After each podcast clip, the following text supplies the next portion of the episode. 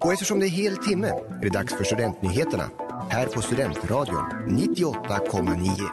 Region Uppsala lämnar stabsläge för första gången sedan pandemins start och konflikten mellan Ryssland och Ukraina fortgår.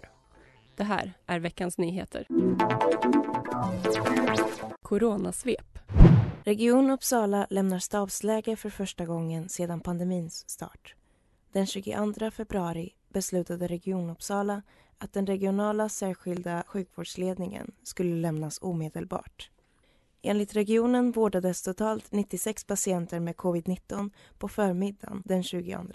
28 av dem vårdades på covidavdelning och många låg inne med en annan huvudsaklig diagnos.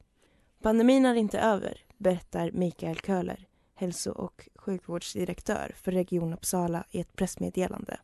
Vi vårdar fortfarande många patienter med covid-19 men vi har ett mer stabilt läge som vi bedömer att vi kan hantera inom ordinarie linje.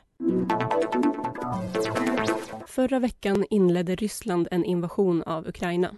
Vi pratade med Lisa Hultman, professor vid institutionen för freds och konfliktforskning vid Uppsala universitet om vad som orsakat konflikten och vad ett krig i Europa kan få för konsekvenser.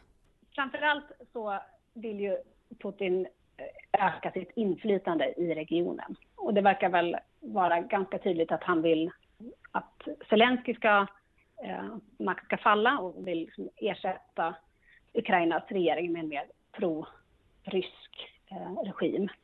Eh, men det är också en maktdemonstration eh, relativt hela västvärlden. Borde vi vara oroliga för någonting här på hemmaplan? Kortsiktigt tror jag inte det. Eh, det finns ingen direkt hotbild mot Sverige nu. Men däremot, beroende på vad som händer i kriget, så har vi absolut oro att vara, eh, skäl att vara oroliga mer långsiktigt om hela den säkerhetspolitiska situationen i Europa förändras. Vad tror du att det här kan få för konsekvenser?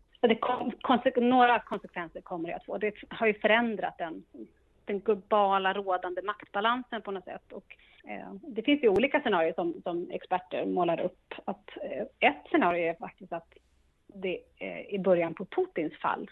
Eh, ett annat scenario är att det är Zelensky som faller istället och den eh, ukrainska regeringen ersätts med någonting proryskt och då har vi en helt annan säkerhetspolitisk situation. Men ett, ett lite mer optimistiskt scenario är väl kanske att Putin skulle nöja sig med att försvaga den ukrainska militären och sen dra sig tillbaka något.